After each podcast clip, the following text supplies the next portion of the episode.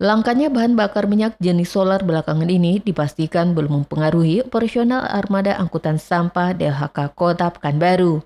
Informasi ini disampaikan Kepala DLHK Kota Pekanbaru, Hendra Apriyadi. Menurutnya, sampai saat ini semua angkutan sampah, baik yang berada di bawah pihak ketiga atau di bawah DLHK langsung, masih beroperasi normal.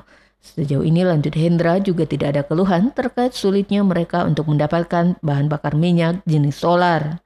Hendra juga menambahkan pihak ketiga yang bertanggung jawab mengangkut sampah di zona 1 dan 2 sudah siap dengan BBM armada pengangkutan sampah masing-masing.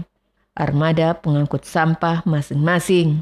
Dalam kesempatan itu, Hendra juga menegaskan adanya tumpukan sampah di sejumlah ruas jalan bukan dikarenakan armada pengangkut sampah sulit untuk mendapatkan BBM, melainkan karena masyarakat membuang sampah tidak tepat pada waktunya sehingga sampah kembali menumpuk. belum belum dapat laporan dari pihak hmm. ketiga ya, juara satu juara dua terkait laporan uh, kondisi solar ke BBM untuk operasional mereka sudah sudah siap kok sepertinya tidak ada kendala tetap beroperasional armada. Desi Suryani, Tim Liputan Barabas, melaporkan.